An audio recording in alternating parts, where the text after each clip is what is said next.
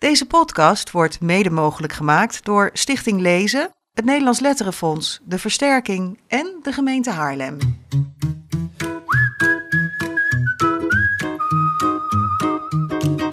Zou goed kunnen dat je deze 18e aflevering van de Grote Vriendelijke Podcast luistert op de fiets, of in de auto, in de trein, of zelfs in het vliegveld. En wat vergeet ik dan nog? De boot natuurlijk. Ja, scooteren. De scooter.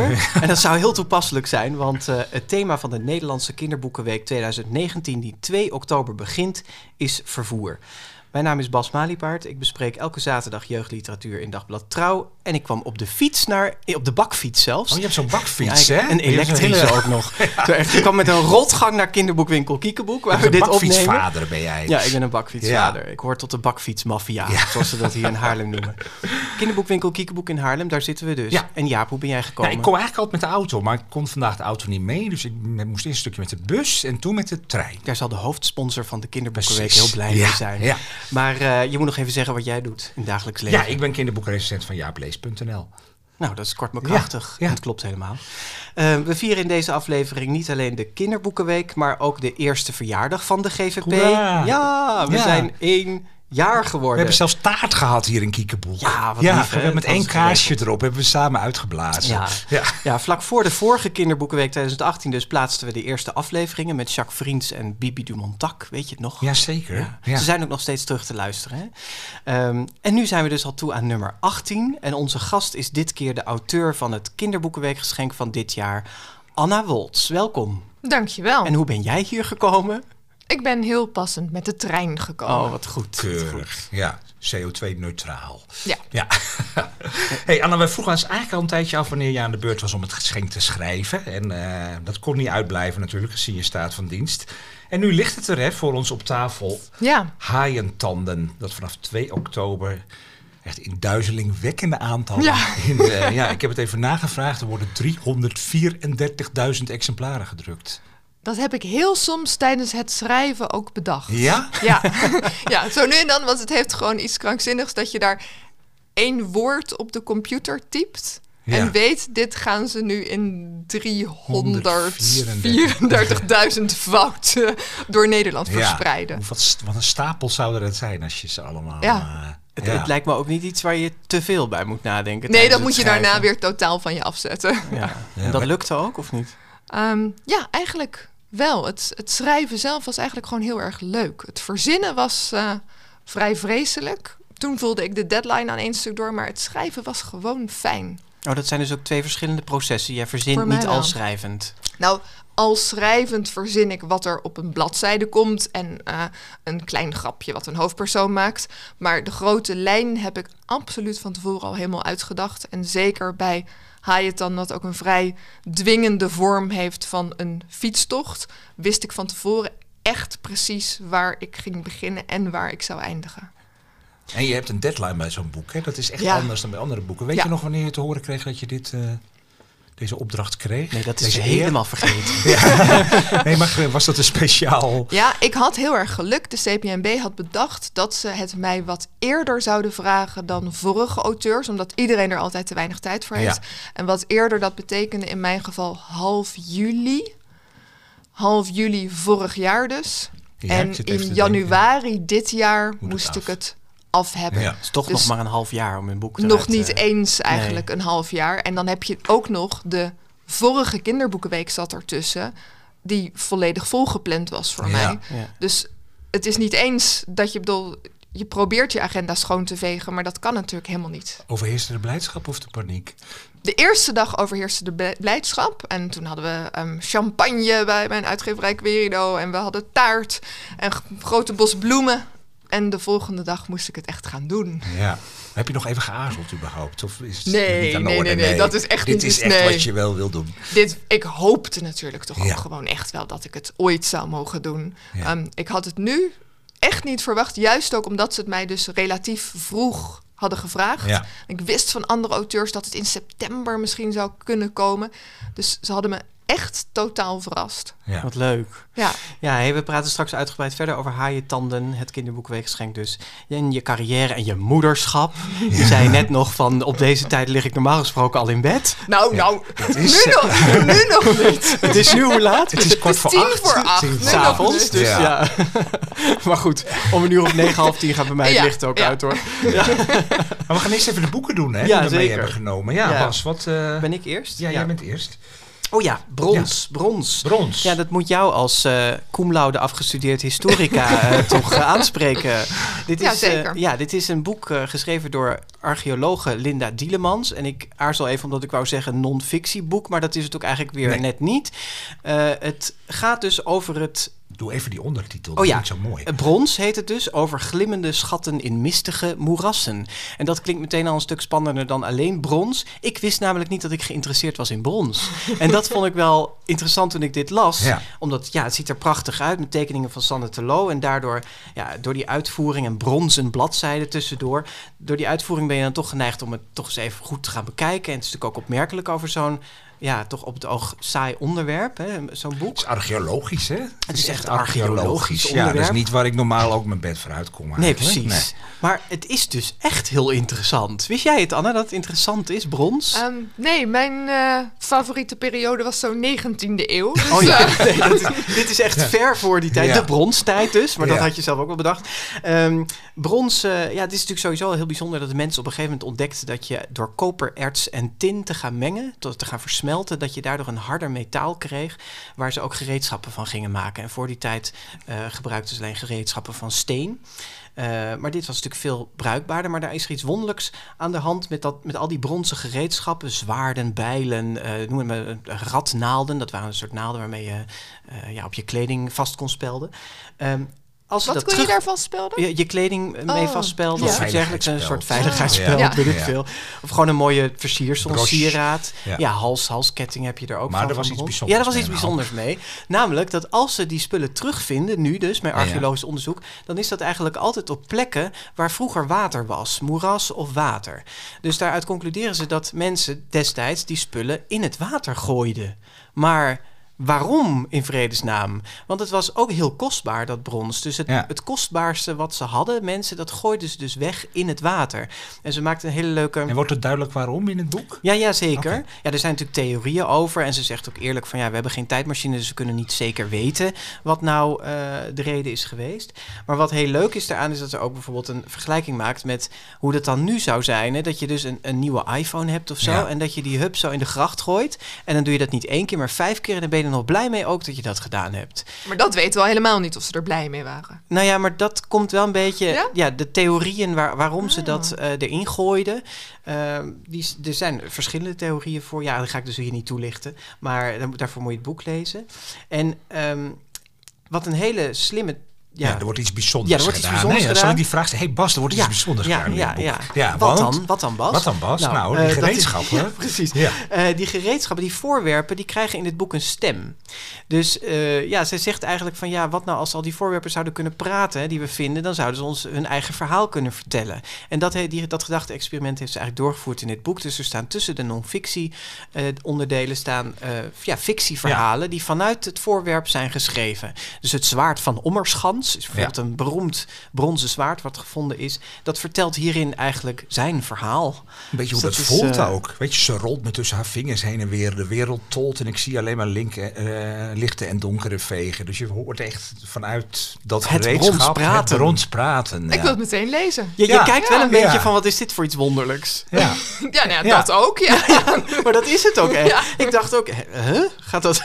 Gaat dat Het is, het is eh, wat dat betreft een, een, echt een slimme vondst om dat zo te doen. Want het is een soort van fictie in de non-fictie eigenlijk. Hè? Ja, zo'n voorwerp nou, laten dat praten werkt, tot werkt leven. niet dat- altijd, hè? fictie en non-fictie bij Nee. elkaar. En wat, wat, wat ik er ook vooral slim aan vind, is dat het anders was het weer over de mensen gegaan. Weet je, als ze, als ze mensen uit die tijd Ja. had opgevoerd en die dan die gereedschappen gebruikten, maar verder niks. Nu gaat het, omdat ze vanuit die, of door de ogen tussen aanhalingstekens van die gereedschappen schrijft, blijft ze heel erg dicht bij haar onderwerp, namelijk die bronzen spullen. Dus dat is uh, ja, boeiend gedaan. Mooi, Want het is heel mooi opgemaakt, hè? mooie illustraties. Uh. Heel mooi kleurverloop van in de illustraties uh, ja. door het boek heen. Dus ja. elke je moet wel, je moet, ik, ik, vond het wel wat veel hoor. Het is best een dik boek. Weet je, het is mooi gedaan, maar je moet wel zeker nou, het had hier en daar wat interesse hebben voor archeologische geschiedenis om het, om het helemaal tot je te nemen en in één keer te lezen. Maar die verhalen zijn best spannend, hè? Die nee, verhalen zijn best spannend en het is gewoon heel origineel gedaan. Het is echt een andere manier van met non-fictie omgaan. Dat is er heel. Uh... Ik wou er nog iets over zeggen, iets la. Oh, ik maar je weer in de reden vallen. Ja, hè? nee, dat geeft niks. Oh, uh, oh ja, uh, dat ik had. Ik keek even op mijn briefje. Um, dat er staan dus prachtige illustraties van Sanne Telo in en die die maken het boek echt heel mooi om te zien. Maar wat ik wel had bij het lezen, dat ik dacht, ik wil eigenlijk wel zien hoe het er echt uitziet, die spullen. best fotootjes in Ja, toch wel. Ja, dat is ook, was ook wel stelbreuk geweest. Dus ik snap dat ze het zo hebben gedaan. Maar ik ben wel meteen gaan googlen daarna. Van hoe precies, ziet... maar dat doet elk kind toch Precies, dat is waar. Dus de Dielemans heeft het geschreven. En die heeft eerder het boek, volgens mij, dat in de schaduw van de leeuw, als ik het goed ja, of de schaduw van de leeuw. Zoiets, ja. Dat was ook, speelde ook in die hele oude oertijd. Ja, dat is dan meer een spannend spannend verhaal. Ja. En nou ja, het is wel een beetje een nieuwe, nieuw schrijfster, denk ik. Ja, ja. Dat is Dit gaat wel in de prijs vallen, denk ik. Dit, ja, qua non-fictie gaat dit wel in de prijs vallen. Het is uitgegeven bij Fontaine Uitgevers. En qua nieuwe schrijvers was dat meteen een mooi bruggetje naar het volgende ja, boek. Want dat is het tweede boek van een, uh, uh, nou, ook een nieuwe, nieuwe stem. Anne-Jan Miras heet zij is een uh, onderwijzeres die zelfs uh, bouwkunde heeft gestudeerd, maar nu heeft besloten boeken te gaan schrijven. Het boek heet Homme en het noodgeval. Vind ik al zo'n titel waar je meteen lekker denkt van ja, daar wil ik wel lezen. En uh, het is uitgegeven bij Lemniskaat. Um, en het is een leesboek voor 10 plus, denk ik ongeveer. Het gaat over een jongetje, Homme, dat hoort eigenlijk aan het begin van het boek dat er een meisje bij hun in huis komt wonen. Dat heeft zijn moeder. Klasgenootje. Een klasgenootje, ja, die heet Pien. En Pien is een uh, nou, niet al te populair meisje in de klas en Homme zit daar niet erg op te wachten. Uh, de moeder van Pien heeft problemen, psychische problemen en uh, moet een tijdje ergens in een instelling zitten. Dus Pien moet onderdak en komt bij Homme en gezin in, in huis wonen. Nou ja, daar is Homme niet heel blij mee. Hij moet zelfs zijn eigen kamer afstaan aan, aan, aan Pien en komt bij zijn broertje of bij zijn oudere broer op de kamer. En uh, nou, het boek gaat er eigenlijk over hoe die twee zich tot elkaar verhouden en wel gedwongen zijn om bij elkaar in huis te wonen en elkaar te, ja, te wennen en met elkaar om te gaan. En ook over dat van ja, je hebt het gewoon niet voor het kiezen. Soms gebeuren er van die dingen die niet zo leuk zijn in het leven, maar die moet je maar, uh, maar accepteren. En uh, ik vond het echt heel. Sorry dat ik je ontbreek, oh. maar ik, dat, dat jij zegt van ze was niet zo populair. Dat vond ik echt heel pijnlijk om te lezen. Ze is lelijk, ze stinkt. Ja, ze, heeft echt, grote uh, voeten, ze is onhandig. je, de, de, die homme is ook best hard over haar. Oordeelt hard. Ja, en haar vrienden en zijn vrienden helemaal. Ja. En dat is ook wel mooi gedaan, want ze heeft een, denk ik, nou je kan wel zeggen, een beetje een psychiatrische moeder, hè, die niet zo heel goed voor haar heeft kunnen zorgen. Dat wordt ook aan een aantal dingen wel duidelijk. Ze heeft niet de niet zoveel kleren, ze kan niet fietsen. Nee, ze kan niet fietsen bijvoorbeeld, heeft ze nooit geleerd. En nee, die moeder is eigenlijk niet zo geschikt geweest om haar op te voeden. Wordt ook omschreven als een asgrauwe, asgrauwe vrouw. Hè. Dat zie je meteen uh, voor je. Dus dat is eigenlijk best verdrietig. En, en, maar ja, Homme is daar natuurlijk, heeft daar natuurlijk in het begin niet zo'n boodschap aan. Maar nou ja, leert zich wel langzaam tot haar... Uh, te verhouden. En zonder dat dat dan heel zoet of, of voorspelbaar wordt. Maar juist omdat dat dilemma blijft. Hè, dat hij tegenover zijn vrienden, op school eigenlijk wil doen van ja, nee, ik vind haar ook niet tof. Maar thuis begint hij er toch langzamerhand iets meer te waarderen of meer te zien voor wie ze eigenlijk is. Dus ze beleven ook een soort avontuurtje samen. hè, met, met, met iemand met een fietsenmaker, waardoor ze ook samen omdat zij wil leren fietsen. Nou ja, ze moeten wel met elkaar. Je moet nog even vertellen van die gedichten. Ja, die gedichten. Zij schrijft dus iedere. Ja, het zijn eigenlijk niet eens. Ze schrijft een soort van. Aan, aan, aan, het eind van ieder hoofdstuk staan versjes. En dat zijn versjes waar, die zij heeft geschreven. Dat, dat gevoel heb je meteen, al staat dat er niet, uh, niet bij. En daar, daar staan heel veel doorhalingen in. Dus het begint altijd met een zin die meteen helemaal mooi is. En, en dan staan er in de rest van het versje altijd uh, doorhalingen. Bijvoorbeeld in het dal een kleine beek die een kleine beek is. Vol stenen, er stond eerst takken. En vol vis. Het water neemt me mee. Ooit, ooit stroom ik naar de zee. Nou ja, van dat soort soms een beetje kinderlijke versjes. Maar ook al met zo'n hele volwassen zin erin. En Ja. dat komt eigenlijk aan het En, eind. en wordt zij beschrijft, ze, eigenlijk wordt het vanuit haar perspectief daarin een beetje beschreven hoe zij het allemaal ervaart. Dus Ja. ze schrijft ook dingetjes over, over Homme. Pas aan het eind van het boek, ja, dat mogen we toch wel een beetje zeggen. hè, wordt, Jawel, ja, wordt duidelijk dat dat eh, eh, allemaal geleerd is aan een, aan een gedicht van Wislav Szymborska. Wislava Wislava. Szymborska, de Poolse Nobelprijswinnares. En zij heeft één gedicht van haar. Eh, daar heeft ze alle regels, zijn de eerste regels van die gedichtjes die ze schrijft. Volgen Ja. jullie het allemaal nog? Ja. ja. We hadden we het vanmiddag over. En toen zei je, dat deed ik ook met songteksten. Het is Ja, wel echt ik iets heb wat bijvoorbeeld kinderen ooit een doen, Ja. weet je. LP van het goede doel heb ik van alle liedjes de titel genomen en daar een gedicht over geschreven. Dat is echt wat je, wat je doet op die leeftijd. Als je een beetje met je ziel onder je arm zit en je gevoelens wil uiten. En zo. En je hebt iets met poëzie. Ja. Ja, dat hoeft misschien nog niet eens. Het is een manier om, om in ieder geval iets, iets Ja. te vertellen. Ja, dat Ja. doet zij heel mooi. En ja, doordat het uiteindelijk ook blijkt dat dat nou ja, echt bij een vast gedicht hoort. eh, dat soort elementen, er zitten nog wel Ja. meer elementen die me niet allemaal zo noemen, maakt het tot een... eh, ik vind het een echt heel mooi tweede boek. Ik was over haar eerste boek nog wat aarzelend, maar dit... Portiek Zeezicht kreeg wel Ja. een eervolle vermelding in het eh, juryrapport van de Wouter Ja, Pietersen was ik een beetje verbaasd over. Was best aardig, maar daar zaten nog veel te veel personages en lijntjes in. En hier heeft ze zich beheerst. En eh, het is echt een... Leuk boek, Anna. Voor Ja. als, Oh, en wat heel leuk is in dit boek, dat zou ik nog leeftijd vergeten te zeggen. Wanneer lees je nou iets over haaientanden in een boek? Nou, Nou. in het boekenweekgeschenk waar we het straks uitgebreid over hebben. Maar hier gaan ze dus haaientanden zoeken op het strand. Kijk. Ja, Grappig hè? heel passend. Ja, het, grap- het hing in de lucht. Het is in de lucht, ja. Eh, het laatste boek Ja. eh, zal ik iets korter doen, want anders dan, eh, hebben we geen tijd meer voor Anna. Jane de Vos en ik. Dat is een, eh, een graphic novel. Ja, Met een ronkende quote van Bart Moejaert, eh, een van onze vorige gasten op de voorkant. Dit boek is geen boek, maar magie. Nou, dan wil je het lezen, Ja. toch? Ja. Nou, het is een, eh, eh, een graphic novel, dus zoals ik zei. met Isabelle Arsenault heeft het Isabel Arsenault, Ja. die eh, ook van het boekje is Major Rosalie. Ja. En dat tipte Annette Schaap weer in onze oudejaarspodcast Ja, van ja, vorig zij jaar. is een vrij bekende illustratrice, maar in, Canadees. in Nederland nog niet zo heel Nee, erg. nee. En dit, dit gaat ook weer over een meisje dat gepest wordt. Eh, het overgrote deel van de illustraties zijn in zwart-wit, sepia-kleurig zou je kunnen zeggen. En daar zie je haar op haar school. Er worden vreselijke dingen over haar geschreven op de toilethokjes. Helene weegt 98 kilo, ze stinkt naar zweet. Nou, ga zo maar door. Je ziet ook aan haar houding helemaal dat het echt, echt wel heel erg eh, beroerd is daar op school. Ook die andere kinderen die Ja, staan er heel naar. gemeen Ja, omheen te ja. kijken en te lachen. Ehm, en in de bus naar huis eh, verdiept zij zich steeds of duikt ze eigenlijk onder in Jane Eyre van Charlotte Bronte. En ehm, eh, daar ja, vindt zij steun aan aan dat verhaal Troost, van Jane, ja. die het ook niet makkelijk had. Een vlucht is het Ja, ook het een beetje. ik heel- Escapisme. Ja, maar dat vind ik wel heel mooi. Dat je in een boek, dat, had, dat kan ik me ook heel goed voorstellen, weet je. Dat je dat rotleven op school en dan heb je een boek waar je even helemaal in terug kan. eh, Ja, en die, die pagina's eh, over Jane Eyre, waarop eh Helene, de hoofdpersoon, vertelt wat er eigenlijk in het, in het verhaal van Jane Eyre gebeurt, die zijn in kleur. Dus Ja. dat is ook wel heel bijzonder dat die er tussendoor staan. Ehm, en dan op een gegeven moment moet ze op schoolkamp, wat natuurlijk de grootste ramp is als je gepest wordt. Ehm, maar op dat kamp ontmoet ze een vosje en dat zet iets in beweging. En ze krijgt een vriendin. Hè? Ja, dat is ze eigenlijk zit in de er, tent eh, van de eenlingen. Hè? Dat vond ik ook al zo. Je hebt Ja. allemaal van die tenten Ja. van de Oh. populaire meisjes en En de, zij zit en de sukkels. Maar zij zit Ja. bij de eenlingen. En dan helemaal aan het eind, dat verklap ik gewoon, dat zie je Ja. ook in één oogopslag. Dan, eh, dan zie je dat ja, er iets veranderd is in haar wereld, want er komt langzaam kleur in die grijze. Ja, en haar houding ook. Hè? Je ziet haar wat steviger en zelfverzekerder. eh. Ja, Ja, het is hele bijzondere illustraties. Hè? Het is, het is een beetje schetsmatig. eh, die pagina's eh, over eh, Jane Eyre zijn veel gestileerder. Ja, ook echt ja, mooi uitgewerkt. En de rest is vrij. eh, Potlood, denk ik. ja, zoiets. Ja. Ja.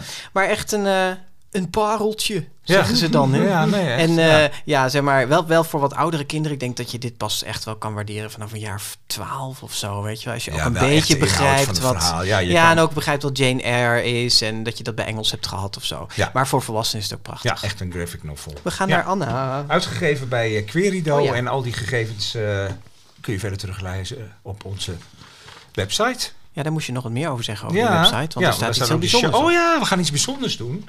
Ehm, want we zijn jarig, hè, dus we tracteren een beetje. En we hebben geregeld dat eh, we eh, korting mogen geven op maar liefst 12 boeken die we in de podcast hebben besproken. Dus twaalf, op twaalf boeken.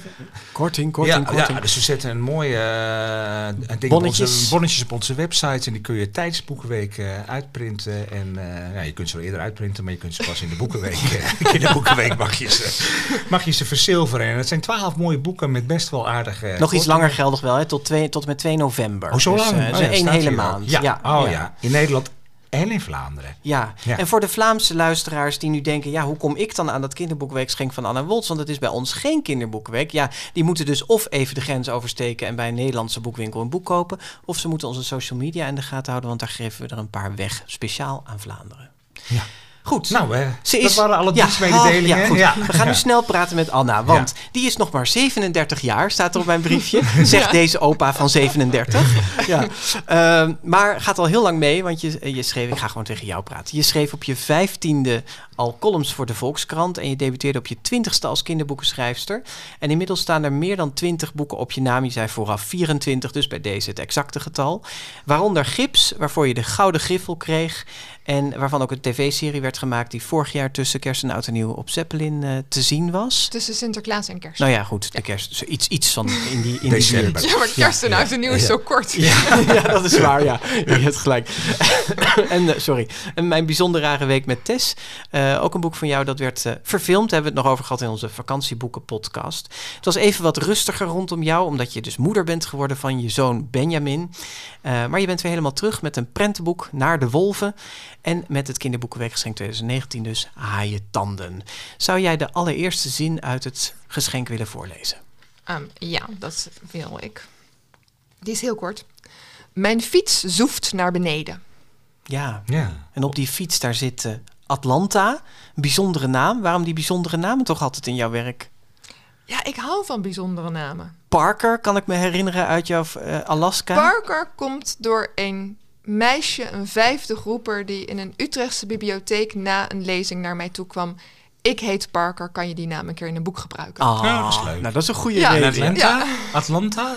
Ehm, ja, ik zoek eigenlijk juist altijd een naam die ik niet al bij een echt kind Mag geen ken. Ingrid zijn. Ehm, nee. Nee? nou, ik, ik wil niet er zelf al associaties bij Oh, Oké. hebben. Ja. Ja. Ehm, en bij mijn parel, die straks Oh, eh, ja. Ja. komt, Ja. zag ik dat daar de hoofdpersoon ook een bijzondere naam heeft. Ja. Ehm, dat, eh, Het ik weet nog dat ik dat als kind fantastisch vond. Hmm. En op de een of andere manier doe ik dat nog steeds. En bij Atlanta kwam het mij, ik wilde iets met water. ehm, de Atlantische Oceaan, Ja. daar is zij naar genoemd. Oh, ja. ja en, en ze ontmoet Finley. Dat is ook al een naam die ik niet iedere dag... eh, Finley. Ja, maar ik vind het ook leuk als kinderen ehm, mijn hoofdpersonen niet meteen kunnen plaatsen. Bepaalde Ja. namen plaatsen een kind meteen in een sociale klasse Ja. of is een een echte bepaalde Mieke of een eh, echte Jaap. Precies, nee, en ik, Ja. ik vind het heel leuk als het juist voor elk kind wat, wat vager is. En ik heb vrij vaak een beetje Engels aandoende namen, wat je ook kunt zeggen Amerikaans. Ja. Ehm, dus dat het eh, bijna, ja, ik... Dat ze goed als- vertaald kunnen worden in je boeken. In 19 talen. Ja, precies. Ja. Nee, maar die Atlanta, want daar ging het eigenlijk. We gaan blijven bij de namen Ja, stilstaan. sorry. Maar die, ja, die Atlanta die botste al een paar regels na de, na de openingsregel. Botste op, eh, op Finley. Ja. Die Hè, daar ook jongen fietst dus. Die daar ook fietst. En, en met wie ze de rest van het boek eigenlijk eh, optrekt. Hè? Ja. En, en ja, dat is weer zo'n typische eh, toevallige Anna Wols ontmoeting. eh, dachten wij. Die in heel veel van jouw boeken... Daar hou ik erg van. ja, iemand waarom- heeft mij ooit dan? verteld dat dat in films de meet cute heet. Hoe? De meet cute. Ah, Oké. niet cute. Ja, Oh, en grappig. dat is dus in, in heel veel films, Ja. romantische films dan vaak, de mannelijke en de vrouwelijke hoofdpersoon ontmoeten elkaar op een grappige manier in een gekke situatie die meteen Ja. ervoor zorgt dat ze met elkaar in gesprek raken. Ja. Ze moeten wel Ja, interactie dus er wordt best ook wel eens op elkaar gebotst, volgens mij. Ja. Adam Soms Eva is het letterlijk- de televisieserie. de Letterlijk botsen, op ja. elkaar Ja. botsen. ehm, of eh, inderdaad eh, een... eh, Honden die met hun riem om je heen Precies, gaan zo'n lopen. soort meteen grappig, eh, iets, iets Ja. grappigs. Het is voor de kijker leuk om te zien. En de hoofdpersonen worden gedwongen Ze om moeten iets met meteen... elkaar. Ja, Maar is het ook, komt het ook echt uit de film voor jou? Is het een, een filmprincipe wat je gewoon toepast in jouw boeken? nou, toen ik het al vaak had toegepast, hoorde ik Ah, dat ja, het ook een filmprincipe was. Maar Ja. het is natuurlijk gewoon een heel handige manier om twee hoofdpersonen die elkaar nog niet kennen ehm, met elkaar in contact te Ook wel brengen. een wat ongeloofwaardige manier vaak, toch? Oh ja, absoluut. Maar ik, ik zeg ook helemaal nooit dat mijn boeken zo totaal geloofwaardig zijn. Ze zijn, ze kunnen wel, ze zijn binnen, het, bedoel, ze zijn Het had zo kunnen het gaan. had Ja. zo Ja. kunnen gaan. Ik bedoel, niemand begint opeens te vliegen. En wat ik hoop is dat terwijl je het leest, dat je meegesleept wordt en dat je erin gelooft. En als je dan achteraf moet gaan vertellen waar het allemaal over ging, dan denk je, oh hé, hey, dit is, Dat is wel eigenlijk snel. Ja, ook... eh, niet zo waarschijnlijk. Nee, maar goed, je hebt ook minder dan 100 bladzijden in zo'n boek. Hè? Dus het is best handig Ja. om ze in de- op de eerste bladzijde al op elkaar te 96 laten. Ja. ja. ja, dus je wint er geen doekjes om. Ze botsen meteen op Ja. elkaar. En ze fietsen er eigenlijk samen, eh, maken samen een fietstocht rond het IJsselmeer. Waarom doen ze dat? Ehm, nou ja, ik wil heel graag niet voor de lezer verklappen wat Atlanta's doel is. Atlanta heeft, ik weet niet hoe jullie daarover denken of dat Het wordt verklapt nog een moet lastig worden. gesprek dit. Ja. Ja. Ja. Ja, maar misschien kan je op jouw manier vertellen waarom ze dit Ja, doen. Atlanta is elf en ik hou heel erg van die kinderen die aan de ene kant nog echt kind zijn, maar aan de andere kant al bijna puber beginnen te worden. En Atlanta heeft zich in haar hoofd gehaald dat die fietstocht absoluut noodzakelijk is. Als zij die fietstocht niet volbrengt, dan zal er misschien wel iets heel erg misgaan in haar leven. Wel, in het klein is dat kinderen die zichzelf even wijsmaken dat ze niet op de voegen tussen de stoeptegels mogen stappen. Ehm, en ik kan me nog zo goed herinneren dat aan de ene kant weet je van jezelf dat je het aan het spelen bent en dat het niet echt is, dat je het gewoon zelf hebt bedacht, maar tegelijkertijd is dat meteen de werkelijkheid.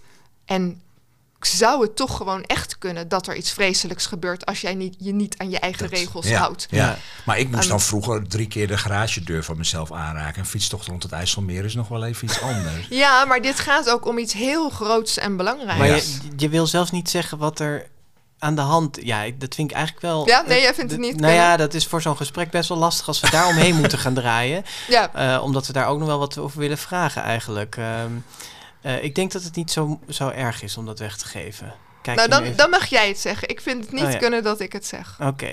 Nee. Nou ja, goed. eh, eh, we hebben ook een stukje uitgekozen. Hè, Ja, eh, misschien Ja. moet je dat even voorlezen. misschien- maar dan, ja, ik ja. het daarin staat, maar dan komen we in ieder geval wat dichter bij de... Ja, Ja. dat waar blijft wel heel geheimzinnig. Ja, Ja. Er is een berichtje van mijn moeder. Mijn telefoon heeft een riedeltje speciaal voor haar. We vlogen juist weer op volle kracht over de dijk. Maar meteen knijp ik zo hard als ik kan in mijn remmen. Finley kijkt verbaasd achterom en stopt dan ook. Ik voel het benauwde glas weer. Ken je van die mensen die een wesp niet doodslaan, maar stilletjes een glas over hem heen zetten? Nou, afgelopen winter kreeg ik plotseling een glas over me heen. Ik kon nog steeds alles zien, het meeste was te verstaan, maar ik hoorde er niet meer bij. Papa en mama werden ook gevangen. Soms zitten we met z'n allen onder hetzelfde glas, maar meestal hebben we drie aparte. En nu is er dus een berichtje van mijn moeder. Hey schat, heb je het fijn bij Noor? Weer van die lekkere koekjes gebakken? Je gaat vannacht vast heerlijk slapen, maar natuurlijk mag je altijd bellen. Mijn mobiel staat aan. Tot morgen, liefs! Ik zucht en doe mijn telefoon weg. Vlug begin ik weer te fietsen. Finley wacht verderop, maar ik kijk hem niet aan. Hij hoeft mijn gezicht niet te zien. Ja, er is dus iets gebeurd in de winter. Een maand of zeven geleden is dat hè, in, het, Ja. eh, in het boek. In haar persoonlijk leven. Ja, nou ga ik toch proberen om eromheen te Ja, vind ik draaien. eigenlijk ook wel goed. Ja, Misschien zullen we dat- dat, doen. zullen Ja, dat- als het, is, het, is, het is iets wat ik ehm, bedoel, de afgelopen, eh, nou, denk vijf boeken of zo, ehm, probeer ik zo ontzettend de spanning op te bouwen door meteen aan het begin al aan de lezer duidelijk te maken dat er iets meestal toch vrij vreselijks aan de hand is, maar echt pas vaak halverwege het boek en ook in Haaientanden is dat zo pas Ik denk halverwege wel het dat boek. ik nu de kop van mijn je- recensie ook moet veranderen. ik weet niet of dit heel lang... eh, nou, nee, dat is ook zo. Maar dat is Ja. natuurlijk, we, we staan nu nog maar aan het begin van de Dat is kinderboekenweek. waar, ja. En, ehm, Maar ik- goed, er is het- iets met, met, met, met de ouders. Hè? Want je beschrijft Ja. dat heel mooi. Van ze, ze, nou, zij leeft onder een glas en die ouders leven ook onder een glas. Dus er is iets groots in dat gezin gebeurd. En daar probeert ze met die fietstocht... Ja, ik, vond het, ik kwam zelf en jij volgens mij ook op de term besweren. Hè? Ze Ja. probeert dat op Ja. een bepaalde manier te besweren. Is, is dat voor jou ja, hoe, hoe, hoe jongeren of kinderen met zoiets omgaan? Ja, ik denk dat je, bedoel, kinderen hebben toch ook nog een bepaalde manier van magisch denken. Eh, heel veel volwassenen natuurlijk ook. Ehm, en dat dat, eh, ja, ik, ik, vind, ik vind dat heel mooi. Ik bedoel, bij volwassenen snap ik het zelf niet meer echt. Dat, voor mij is, is de wereld niet te bezweren. Heb ik daar ook helemaal geen behoefte aan. En ehm, ik, ik verricht niet bepaalde handelingen om invloed op iets uit te oefenen. Maar ik snap dat van kinderen ontzettend goed. Dat de wereld is zo groot en zo onbegrijpelijk als je eraan begint. En ehm, je probeert toch op de een of andere manier vat te krijgen op het leven. Ja, en magisch denken is dan dat je denkt dat je door een fietstocht om het IJsselmeer Iets maken, kunt uh, ja, bewerkstelligen, ja. afwenden. Ja. Of, Ja. eh, ja, ja, dat. Is een, dat is eigenlijk waar dit boek eh, over gaat. En wat daar op de achtergrond speelt, is wel dat eh, Atlanta, Atlanta zeg ik toch, hè? Ja. niet Atlanta. Nee. Atlanta. dat Atlanta het kampt met een, een schuldgevoel. Ja. Of in ieder geval een gevoel van, ik ben er in dat gezin niet op de manier geweest en ik heb niet gehandeld zoals ik had moeten. Haar moeder heeft het moeilijk en Atlanta heeft het gevoel dat ze haar moeder nogal aan haar lot heeft overgelaten. Ja, Ja. En dit is haar ene kans om het allemaal goed te maken. ja. Ja, wat een, wat een krankzinnig idee is inderdaad. En Finley is eigenlijk degene, de jongen met wie ze gaat fietsen, die is eh, van huis weggelopen. Ja. En mogen we die reden ook niet weggeven. Nee hoor, dat, er mag wel iets verteld Nou ja, Ja, maar die heeft ook iets met zijn ouders. Die heeft eh, ook iets met zijn moeder. Ja. Hè, zij- eh, zijn, eh, zijn moeder heeft in een woedeuitbarsting tegen hem... en de oorzaak daarvan zal ik dan, zal ik dan niet weggeven... maar die heeft geroepen van dat ze spijt heeft dat ze hem ooit heeft gekregen. Wat natuurlijk een behoorlijk heftige uitspraak eh, is het ergste toch wat je tegen een kind Ja, kan ja, zeggen. ja, lijkt Ja. mij ook. Ehm, en hij wil dus eigenlijk van zijn moeder af... terwijl eh, Atlanta juist heel erg bezig is met hoe ze dat, bij dat gezin Ja. weer kan zijn. eh, Ja. En bij haar moeder kan zijn. Eh, dus zij heeft Finley ook nodig om haar ervan te laten doordringen... dat ook wat zij heeft bedacht ook misschien helemaal niet haalbaar is... of wel haalbaar is. Eh, Daarin speelt hij een rol. Nou ja, en dat het krankzinnig is dat wat zij heeft bedacht, dat ehm, heeft dus ervoor gezorgd dat zij op een heel belangrijk moment juist niet bij haar moeder was. Terwijl ze juist, ze wilde iets voor haar moeder doen. Ja, En het enige wat ze voor haar moeder kon doen, was er gewoon zijn. ja. Hoe, hoe kwam jij op die fietstocht überhaupt? Want eh, dat moet dus bij jou ook een beetje magisch denken aan te pas zijn gekomen in je hoofd... om dit... eh, Heb je een afsluitdijk Ja. fetish? Of dacht je, thema kinderboekenweek vervoer, kom op, we doen iets met de fiets. Nee, het, het, is, eh, het, het gekke is dat het uiteindelijk het boek past heel goed Ja, bij het ja, thema. ja. Maar ik heb het helemaal niet verzonnen op het thema. Nee, het gekke is dat ehm, het schrijven kan ik zo langzamerhand heel erg goed uitleggen en beredeneren. Maar het verzinnen voelt ook voor mij nog altijd magisch. Als er iets is in mijn leven wat ik probeer te bezweren, dan is het wel dat creatieve proces.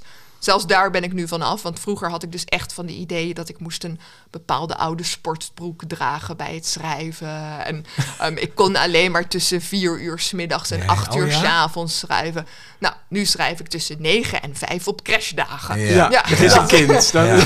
Dan zijn al dat soort dingen niets meer waard. Zelfs dat is eh, verdwenen uit mijn leven. Hey, eh, Maar jouw- die fietstocht, nog Ja, even, die, sorry, dat vind ik wel ja. interessant. Ik bedoel, weet je dan op een gegeven moment, ja, Nou- die fietstocht is het vehikel, mooi woord in dit verband, maar hoe je, waar, waar ik het aan ophang? Of is, was, ja, het, ik, was het ik eerst nog was iets wel, anders? Ik was wel op zoek naar een, eh, naar inderdaad iets om het verhaal aan op te hangen. Ehm, omdat het is zo'n kort, eh, bestek. precies, ik bedoel, het is Ja. 96 pagina's. Het is ehm, de helft van mijn andere boeken. En ik, ik wilde een soort houvast ook voor mezelf hebben. En ik bedacht laatst, misschien dat het daar wel ook een beetje mee te maken heeft. Ik heb vroeger ook al wel eens het romantische idee gehad van wat zou er nou gebeuren als je begint te lopen en je stopt gewoon niet. Hoe ver kun je Ja. lopen? En je loopt gewoon de hele nacht door en je neemt eten mee, en je neemt een warme trui mee en je neemt water mee.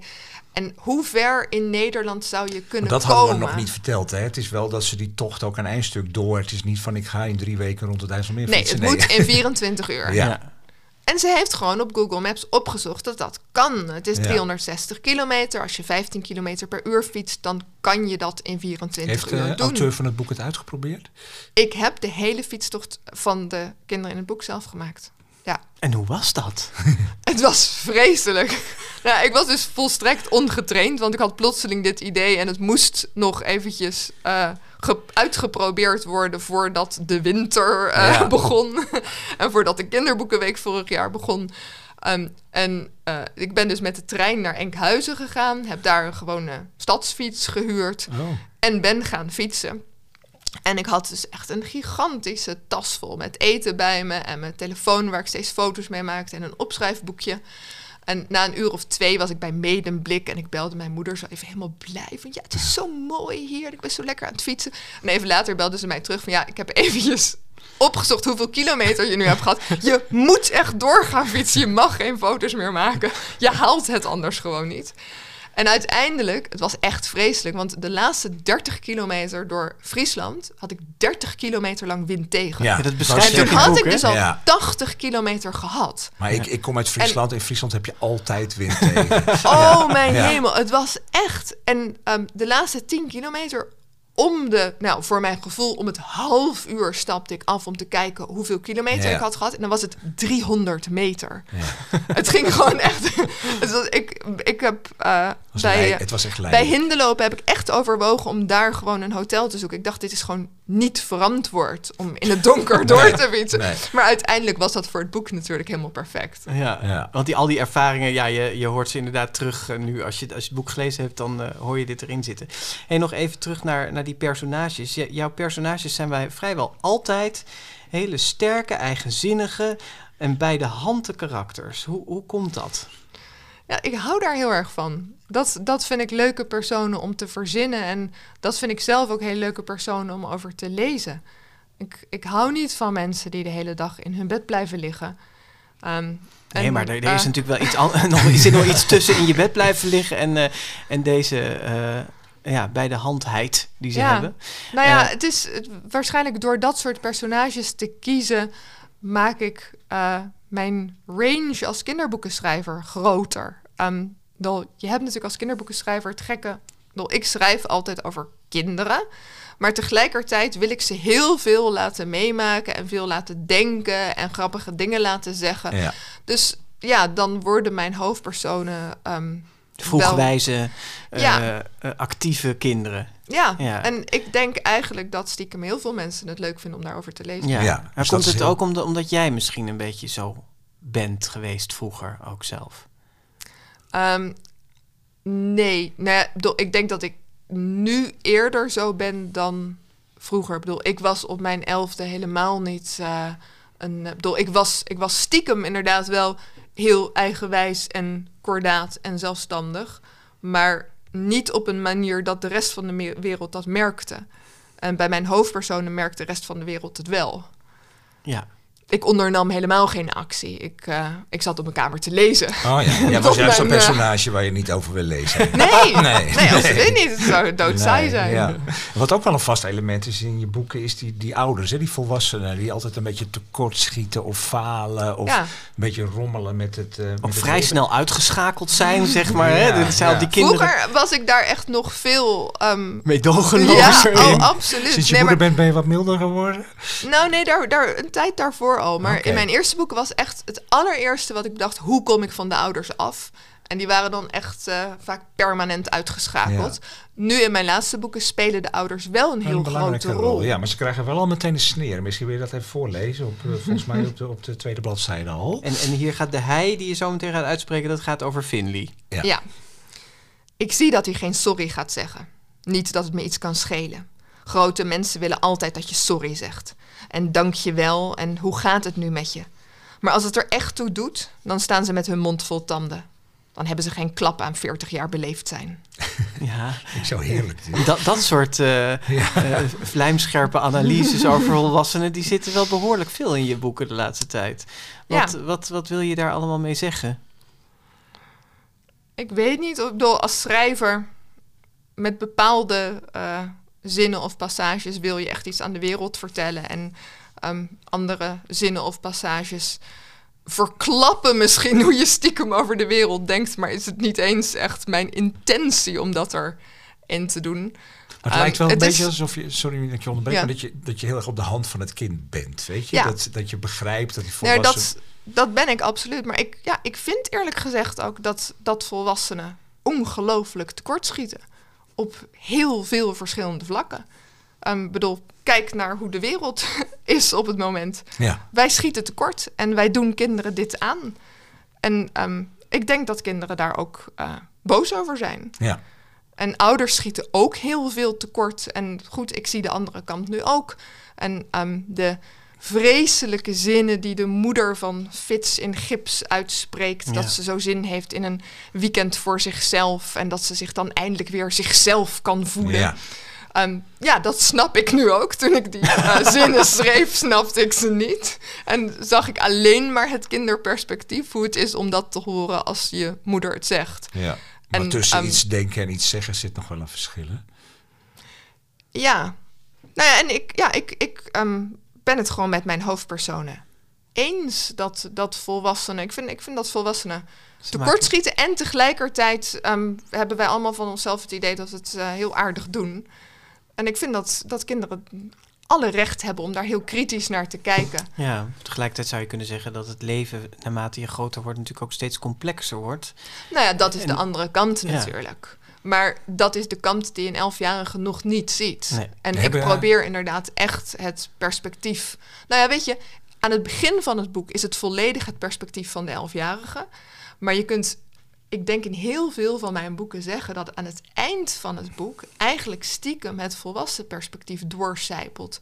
En dat ik mijn hoofdpersonen wel die andere kant laat zien. En dat ze aan het einde van het verhaal bijna altijd, altijd meer begrip Ja. hebben voor hun ouders en de complexiteit van het volwassen, Volwassen leven. Ja, precies. ja. Dus je zet het in het begin even op scherp. Ja, Ja. precies. Want heel veel, bedoel, je zult ontzettend veel van die citaten kunnen vinden die dan uit de eerste helft van het boek komen. Ja. In elk boek van mij, uit de eerste helft komen de keiharde ehm, Ja. verwijten. Ja.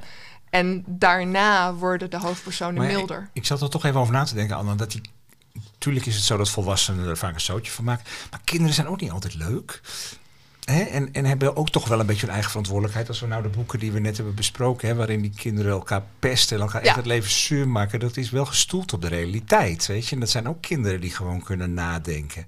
Cultiveer je de gedachte van het onschuldige kind niet te veel? Ehm, nee, dat, dat denk ik eigenlijk niet. Ik, bedoel, ik, ik, ik woon samen met een tweejarige die verre van onschuldig is. Daar weet ik alles van. Maar ehm, Ja, maar juist over Nee. hem kun je misschien nog niet zo zeggen dat het zo bewust gebeurt. Maar als je een jaar of twa- tien of twaalf bent, heb je natuurlijk wel iets meer verantwoordelijkheid. En kun je soms wel over de gevolgen van je daden nadenken. tuurlijk, dat, dat is ook zo. Maar ehm, eh, misschien kies ik er dan ook juist voor om over... De, bedoel, de kinderen die ik beschrijf, die zijn ook niet intens gemeen. Nee.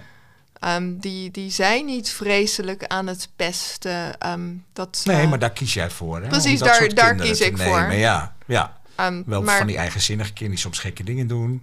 ja, Maar ze zijn niet gemeen. nee. Nee. nee. maar goed, het is absoluut waar. Er, er bestaan gemene kinderen.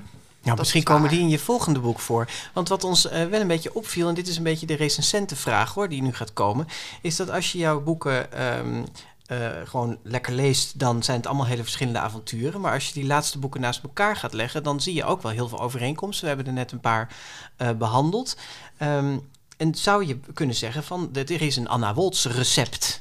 Dat vind je Ja. misschien niet leuk om te horen als ik dat zo uitdruk, of wel? Nou, ik vind dat bij het eh, kinderboekenweekgeschenk eh, absoluut niet erg om te horen. Want ik vond het kinderboekenweekgeschenk echt eh, de absoluut perfecte plaats om het Anna Woltz recept toe te passen. Ja. Anna Woltz recept, jouw woorden, niet de mijne. Nee, nee, maar gewoon om wat je, wat je in Ehm, eerdere boeken hebt gedaan. Dit leek mij niet het boek om iets totaal nieuws te gaan Te doen. gaan experimenteren. Nee. Wel, ze hebben mij gevraagd om een bepaalde reden, om de boeken die ik al heb geschreven. Wel, wat voor mij de ongelooflijk grote uitdaging was om in 96 pagina's geslaagd het Anna Woltz recept toe te, Toe te passen. passen, Ja. ja. En niet te veel ehm, gelaagdheid bijvoorbeeld te verliezen. Ik weet zelf al hoe mijn volgende boek eh, zal zijn. Oké. En eh, dat eh, nou, is in elk geval op, op bepaalde punten echt heel anders.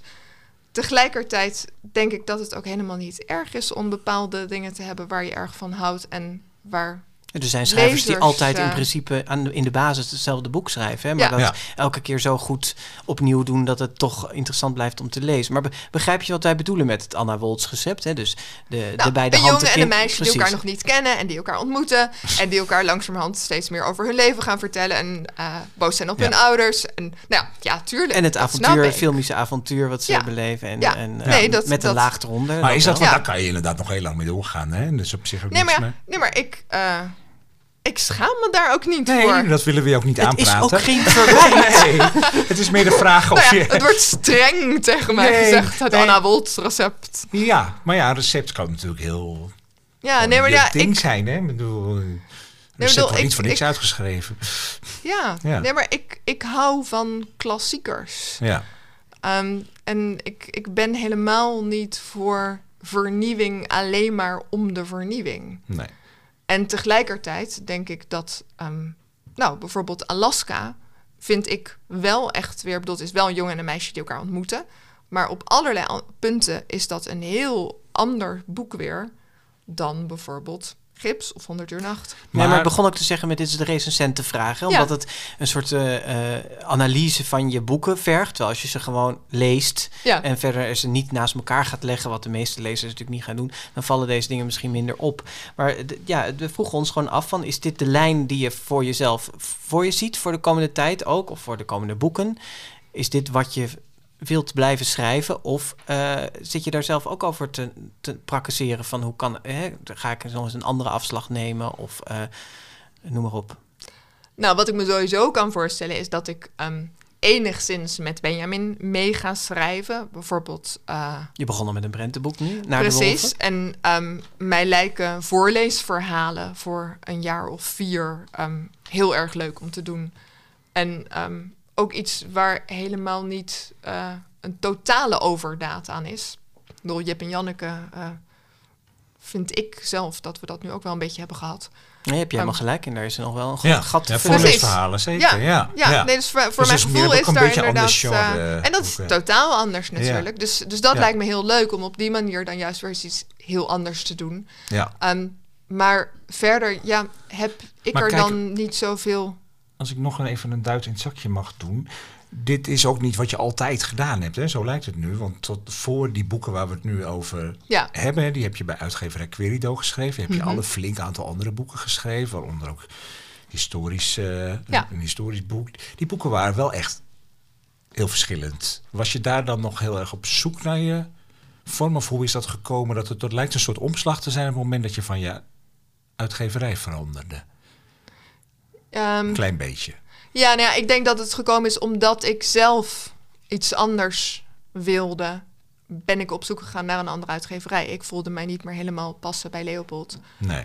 Ehm, maar eh, En dat had met de ontwikkeling van je schrijverschap. ja, kijk, ik ben echt jong begonnen met schrijven. Ja. En dat... Dus ik, ik heb al publicerend mij ontwikkeld. Growing up in public Ja. is dit. hè? ja, nou ja, gelukkig helemaal niet qua social media of Nee. ehm, gewoon bekendheid, maar wel dat ik ongeveer alles wat ik schreef is, Is gepubliceerd, gepubliceerd. Ja, Ja. je hebt niet droog kunnen dat- oefenen. En eh, dol, dat was ontzettend leuk dat ik daardoor gewoon meteen fulltime schrijver ben geworden. En ik heb ook absoluut geen spijt ehm, van de boeken die ik eh, tien jaar geleden schreef. Ehm, door bijvoorbeeld Onweer en Tien dagen in de gestolen auto zijn nu net juist gebundeld opnieuw uitgekomen. Dat Ja. zijn boeken van tien jaar geleden. Ehm, en het is niet zo dat ik zei van, oh nee, stop die alsjeblieft in een donkere kast. Nee, Maar je hebt er wel aan gesleuteld, hè?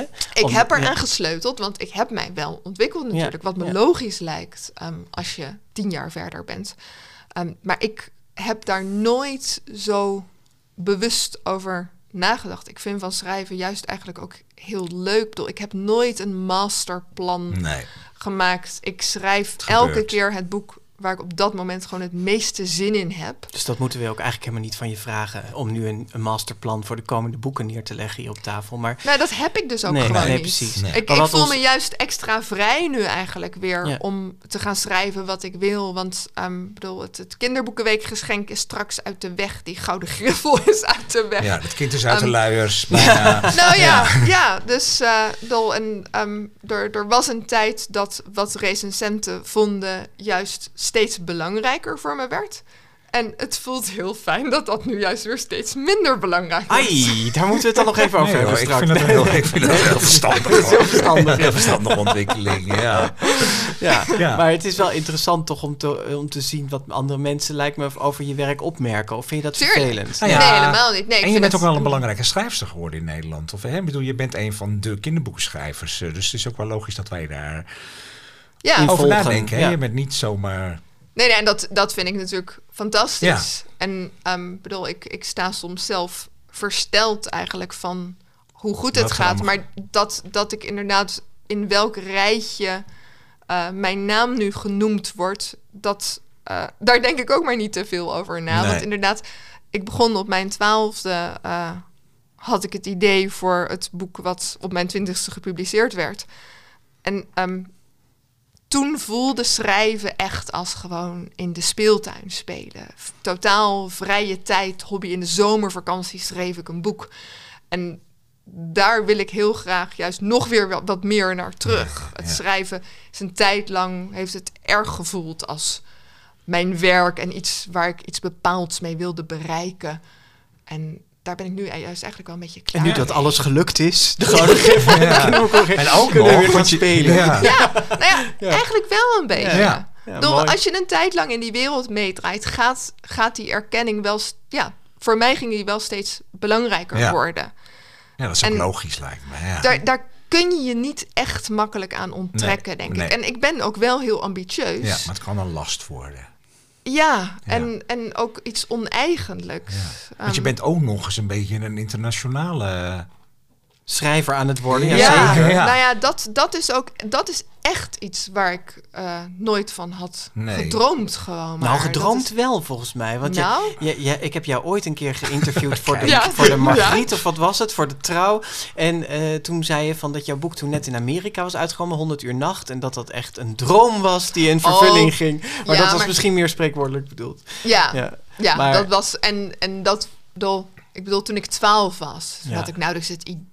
Het idee dat je in dat- Amerika... Nee, maar ook gewoon, ik, ik, wist nauwelijks dat boeken vertaald werden. Ik, bedoel, ik Ja. las toen natuurlijk gewoon alleen maar boeken in het Nederlands. Ja. En daar stond ik nauwelijks bij stil. Ja, en nu kun je Anne Woltz lezen in het Frans, Duits, Russisch, Tsjechisch, Japans, Taiwanese. eh Ja. Noem maar op, hè? Ik Ja, denk al 19 binnenkort. talen 19, zijn er. ja. 19 Ja. talen. En binnenkort komt eh, Alaska eh, uit, Zilveren in Nederland, ook in het Engels.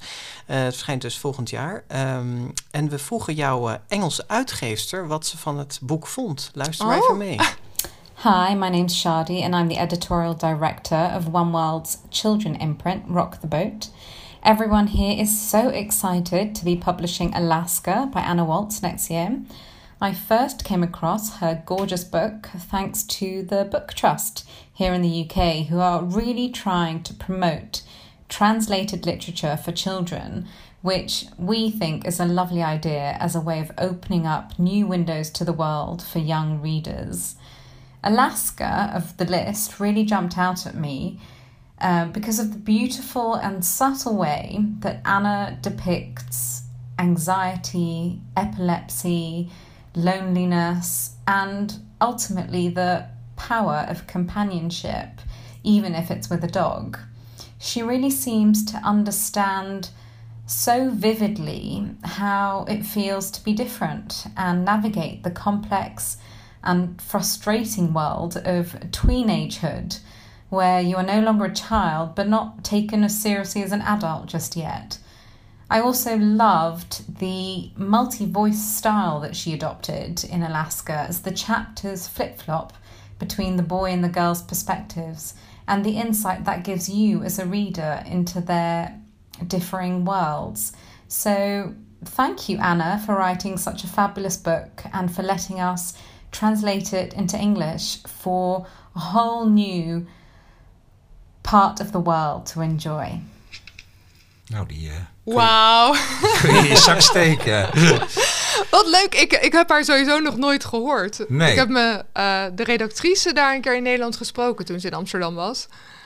Oh, dit is echt indrukwekkend. Ja, dit is de Engelse Ja. uitgeefster van One World Pub- Publishing. Hè? ja. En wat het mooiste is, wat zij zegt, sluit eigenlijk aan op wat jij zei over die kinderen die nog net Ja, hè, in- ja. Nee, tussen het kind en de puberteit inzitten, nog niet eh, serieus genomen worden als Ja. eh, volwassenen. En waar we eigenlijk net even over begonnen, over dat omslagpunt in je oeuvre, zoals wij dat dan zien. Dat begon Mhm. voor mijn gevoel een beetje met Evie, Nick en ik. Ja. En daarna eh, vooruit.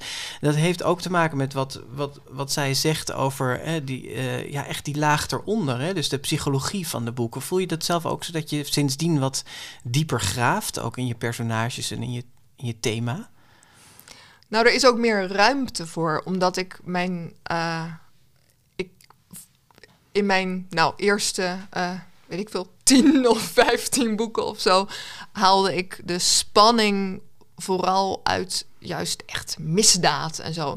Ehm, en een heel groot deel van het plot, maar dus ook gewoon een heel groot deel van alle ruimte die ik had om het verhaal te beschrijven, ging op aan eindeloos aanwijzingen, opvolgen, eh, achtervolgingen. en dan was ja, er soms ja. tussendoor even ruimte om een gesprek te voeren.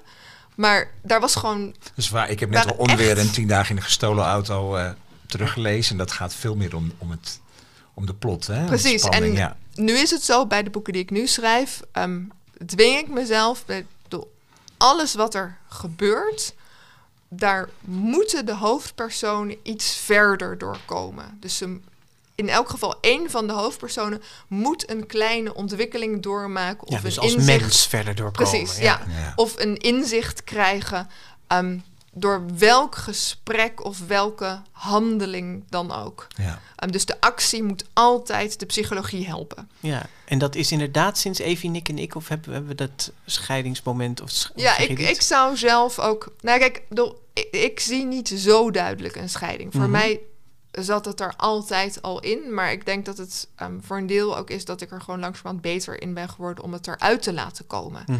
Ehm, het is voor een schrijver nog best wel lastig om te bedenken wat je daadwerkelijk op papier hebt gezet en wat je alleen maar in je eigen hoofd weet.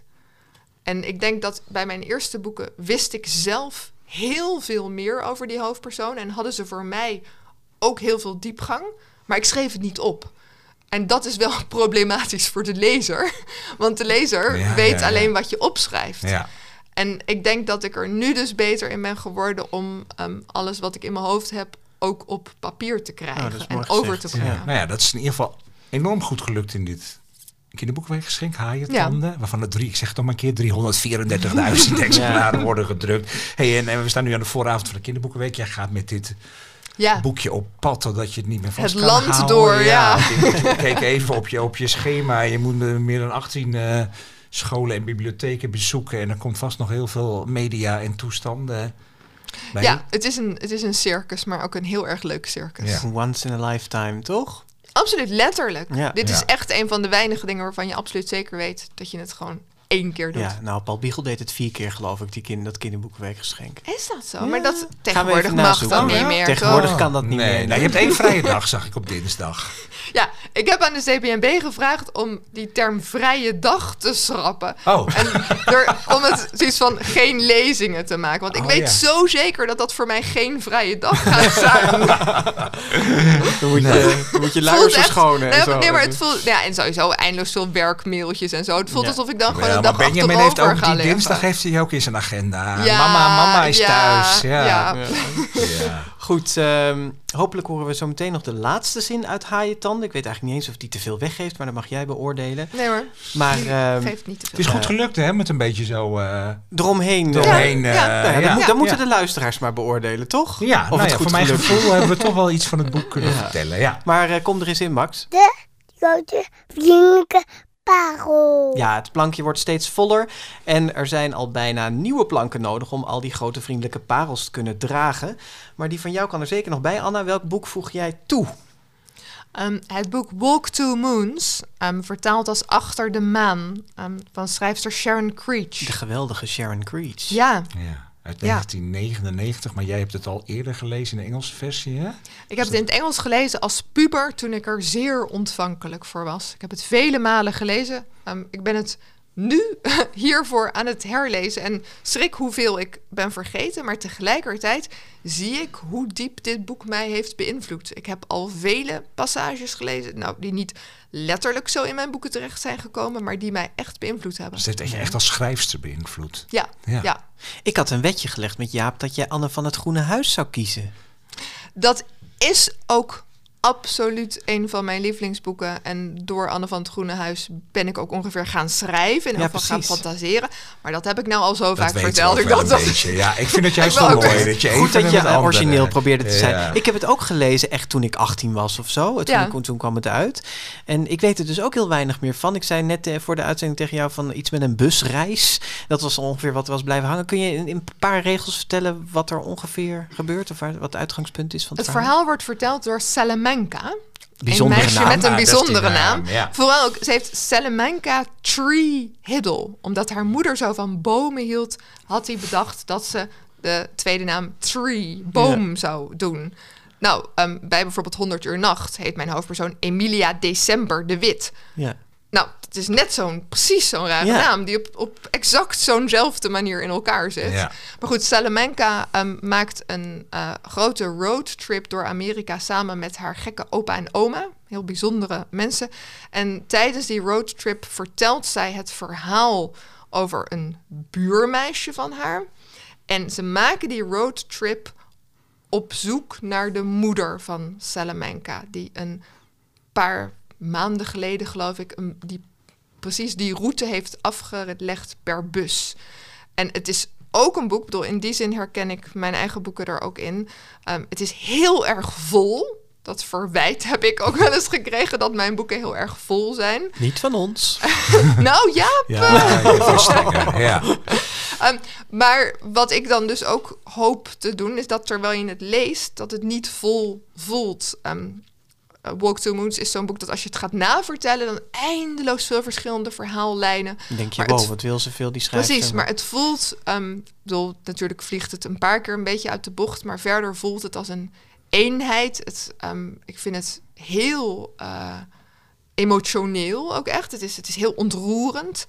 Um, het, het geeft ook juist weer die leeftijd van zo net puber heel mooi Ja, ja, weer. Tussen Het is geweldig geschreven. Het gaat, het gaat ook heel erg over familie en de band met um, ouders, met grootouders. Nou, dit, dit moeten we dus in. herlezen. Ja, ik Het heb is het, eh, echt een prachtig Ik boek. kan me niet Ja. herinneren dat ik het heb gelezen. Ik dus weet niet of het nog leverbaar is, maar ik zie dat jij de, het exemplaar uit de Biep hebt. Ja. Dus het is in elk geval nog in de Ja. Biep Het is in ieder geval eh, in, in 2013 nog weer een keer opnieuw uitgegeven in paperback vorm. En ik zag wel dat het in ieder geval als tweedehandsboek wel goed eh, Nou, mooi. te verkrijgen. Dus we zetten het erbij op de plank. Ja. Achter de maan van Sharon Creech uitgegeven bij Kluitman. Ja. En eh, op bladzijde 95 van Haaientanden staat de laatste zin. Want dikker mag een kinderboekweek zeker niet zijn. Nee, Wil je hem voorlezen? we hebben pas een paar kilometer gehad. Nou. Het klinkt dan weer heel spannend en mysterieus als je ons hele gesprek hebt. Zijn ze weer terug bij het begin? Ja, lees dat boek mensen. Anna Woltz, heel erg bedankt dat je hier was. Dat je bij ons al de, voor de kinder, over de kinderboek wilde komen praten, terwijl die nog niet eens is begonnen. En over haaientanden, je prachtige geschenk.